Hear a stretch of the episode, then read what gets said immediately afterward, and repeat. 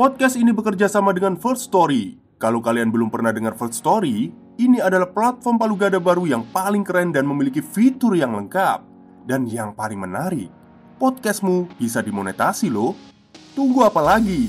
Yuk buruan, gapai potensi maksimal podcastmu dengan tools dari platform hosting terbaik untuk para podcaster. Daftarkan sekarang di firststory.me. Dijamin gratis.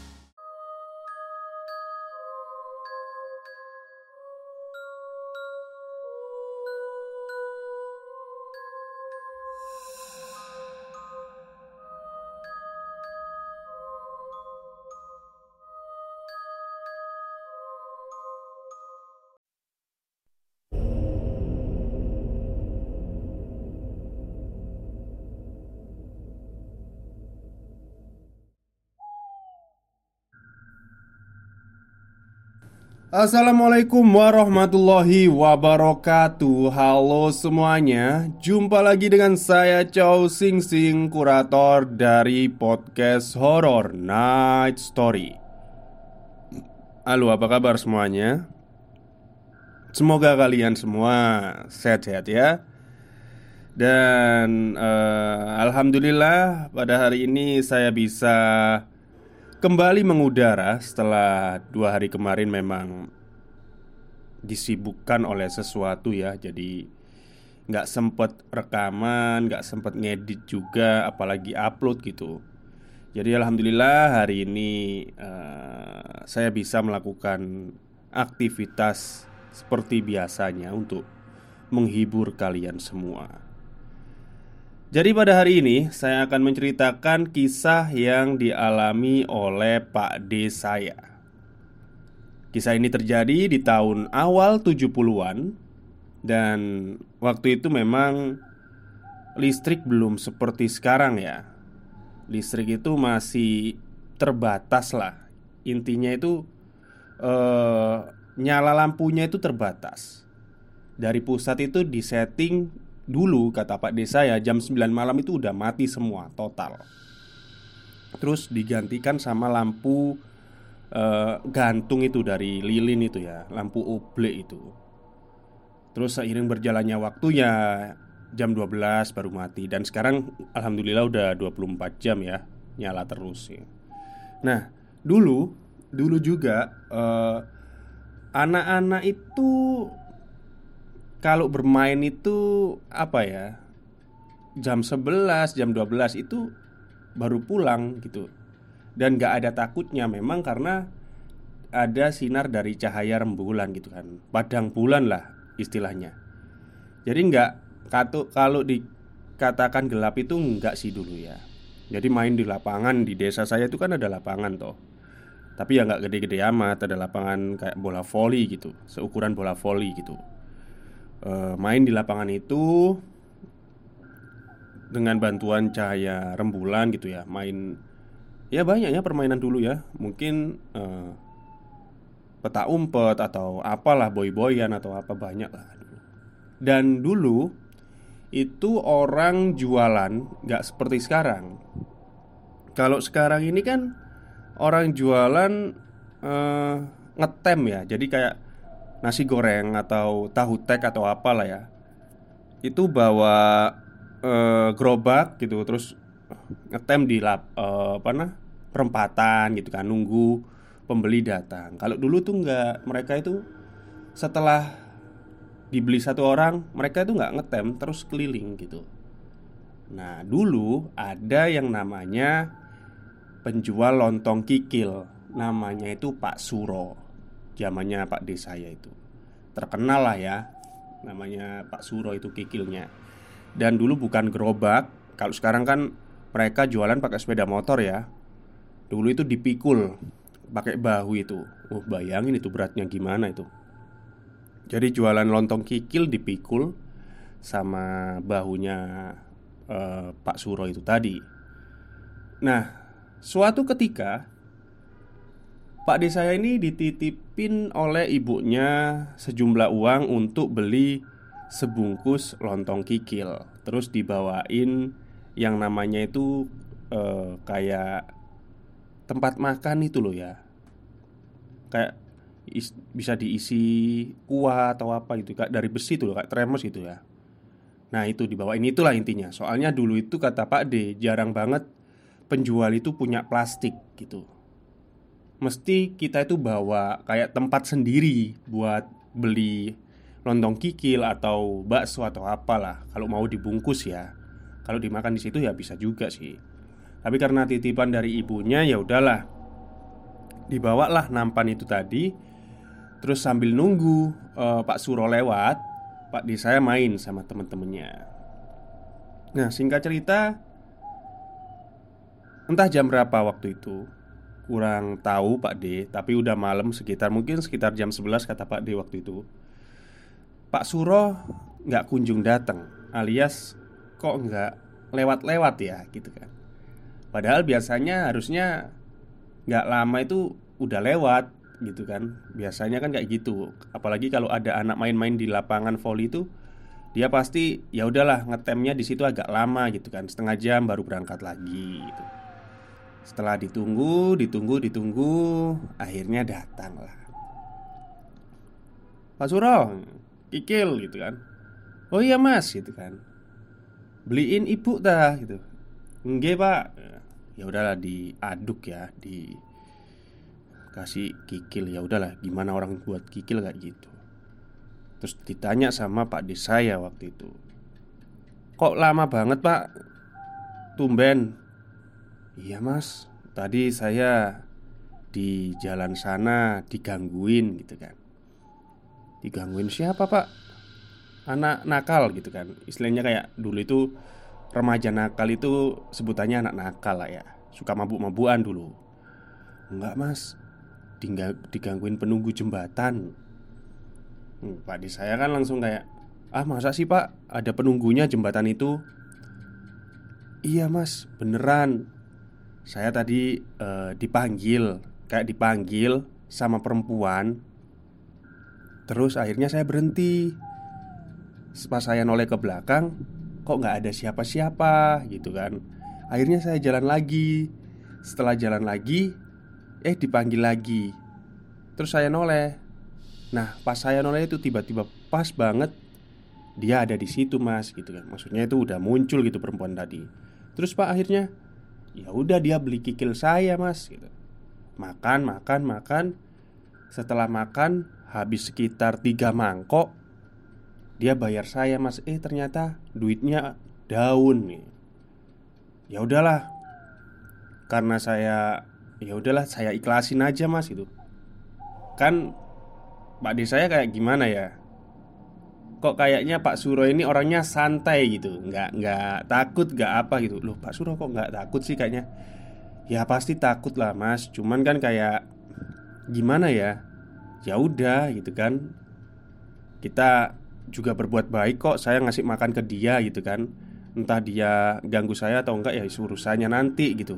Ngapain takut juga itu Oke lah. Singkat cerita kikil yang dibuatin oleh Pak Suro jadi Terus uh, Pak D saya pulang Pak D saya pulang bawa kikil Akhirnya dimakan gitu kan Setelah dimakan ya udah tidur dan keesokan harinya kembali Pak D saya ini dititipin uh, lontong kikil oleh kali ini oleh bapaknya ya atau kakek saya lah. Eh, Le, aku titip lontong kikil nanti beliin. Oke lah. Setelah itu ya udah ke lapangan main sama temen-temen gitu kan. Dulu itu uh, di desa Pak D gitu kan, desa kakek saya itu kayak gimana ya Orangnya itu bukan itu-itu aja Maksudnya anak yang ngumpul gitu Itu dari berbagai desa gitu Kemu uh, Kebetulan Waktu itu di desa tempat Kakek saya itu ya udahlah tempat saya juga itu Memang uh, Terkenal terus kayak Rame lah agak rame dari, dibandingkan desa lain. Kalau sekarang kan enggak ya. Anak sekarang sama tetangga sendiri aja kayaknya nggak kenal gitu kan. Tetangga jarak tiga rumah aja kayaknya itu siapa ya? Ya udah. Mungkin sekarang kenal nama tapi nggak pernah nyapa. Kalau dulu itu nggak pak desa itu temennya sampai di mana mana gitu. Desa ini desa itu gitu. Terus kalau main itu jauh-jauh gitu. Ya memang dulu nggak ada jet-jet seperti ini ya HP atau apa gitu. Game online atau apa. Jadi kalau mereka nongkrong ngumpul ya Pure bermain gitu. Maksudnya ngobrol intens antar sesama manusia lah. Gak ada yang namanya digital Digital Digital seperti sekarang intinya kayak gitu Ya ya udahlah. Singkat cerita Pak D bermain lagi sama teman-temannya terus nungguin Pak Suro datang. Setelah lama nunggu Akhirnya Datanglah Pak Suro. Kebetulan waktu itu cuma Pak D saya sama temennya satu Namanya Iwan. Yang lain udah pada pulang karena waktu itu udah jam setengah 12 malam. Wan, tungguin aku bentar ya Aku tadi dipesenin sama bapak beli lontong kikil. Oh iya ayo gitu kan. Kebetulan rumahnya Mas Iwan ini deket sama Pak D saya Jadi bareng lah. Ditunggu akhirnya datang uh, Pak Suro Dengan muka yang pucat gitu ya. Kayak kalau bisa dinilai itu kayak pucat terus kayak datar gitu keta agak takut gitu. Terus ya udahlah Pak Suro lontong kikil bungkus. Oh ya terus Pak Desa nyerahin apa tempat makanan itu nampan itu tadi terus diambilin lah. Kuah kikil gitu kan. Tapi diem aja Pak Suro ini. Nah Ditanya lah sama Pak di saya Kenapa Pak? Diem aja. Kok pucet? Digangguin lagi sama penunggu jembatan. Gitu kan. Ah Enggak mas. Enggak digangguin kok. Kok kayaknya ketakutan gitu Pak Oh enggak Enggak apa-apa gitu kan. Ya udahlah diambilin kuah terus uh, apa namanya kikil dagingnya gitu kan. Dibawa. Ya udah pak saya pulang dulu gitu kan. Monggo mas saya mau keliling dulu lagi. Dibawa pulang sama Iwan itu tuh. Dibawa pulang setelah dibawa pulang Nah Iwan akhirnya pisah lah ya sama Mas I, Pak Iwan itu tadi. Pisah jalan persimpangan Akhirnya pulang sendiri Pak D saya itu. Setelah Pak D saya pulang sendiri itu dia tuh kayak ngerasa kok apa ya rantang yang ah rantang namanya ya. Rantang yang dibawa itu kayak enteng banget gitu. Kok nggak kayak tadi ya? Kayak enteng. Ya udahlah nggak ada rasa curiga atau apa tetap jalan ke rumah terus ternyata udah ditunggu sama kakek bapaknya itu. Mana lontongnya? Lontong kekilnya ini. Wah waktu dibuka itu ternyata kosong rantangnya. Gak ada isinya apa-apa. Loh, kamu tadi beli apa enggak sih? Ya Pak Di, saya kaget dong. Dia ngerasa kayak Apa ya? Wong tadi beli dan udah ngasih uangnya Tapi ternyata pas dirogoh-rogoh lagi sakunya Pak D saya itu Uangnya masih ada. Jadi kayak semacam kena genjutsu gitulah Kalau di Naruto itu. Kayak halusinasi. Nah akhirnya karena waktu itu bapak saya, eh maksudnya kakek saya ya, kakek saya itu kayak marah ya, mungkin karena saking pinginnya kok begitu pulang udah nunggu lama kok nggak ada gitu kan. Akhirnya pak di saya ngomong, wes pak, kalau nggak percaya besok Iwan tak ajak ke sini. Wong aku lo belinya sama Iwan, nanti Iwan yang jelasin saksinya. Akhirnya besoknya dijelasin lah Iwan dipanggil ke rumah pagi-pagi gitu kan Nggih, Nggih Pak D, saya beli kok sama uh, ini anaknya sampean gitu kan. Saya lihat sendiri, ya nggak tahu kalau kosong gitu kan. Ya udahlah, waktu itu kakek saya, bapaknya Pak D saya itu kayak percaya nggak percaya tapi ya udahlah, nggak usah dipermasalahkan lagi itu kan, simple ya. Nah, sore harinya uh, ada kayak temennya bapak, temennya bapaknya Pak D itu main ke rumah. Terus cerita, cerita, cerita, tiba-tiba nemper ke Pak Suro, penjual kikil. Ternyata Pak Suro itu udah meninggal. Meninggalnya itu kemarin. Jadi meninggalnya itu setelah uh, Pak D beli kikil yang pertama kali yang buat ibunya itu ya, pokok ibunya Pak D saya itu. Jadi setelah uh, beli terus uh, mereka uh, siapa Pak Suro itu pulang, pulangnya itu ditabrak sama. Waktu itu truk itu kayak gimana ya? Ya cepet-cepet ya, terus kayak jarang banget lampunya itu kayak agak redup. Jadi mungkin nggak kelihatan atau apa, ditabrak terus ya udah meninggal di tempat kayak gitu. Nah kaget dong Akhirnya Pak D saya yang denger cerita itu Ah masa sih Pak? Iya mas Matinya itu malam gitu kan Sekitar jam setengah tiga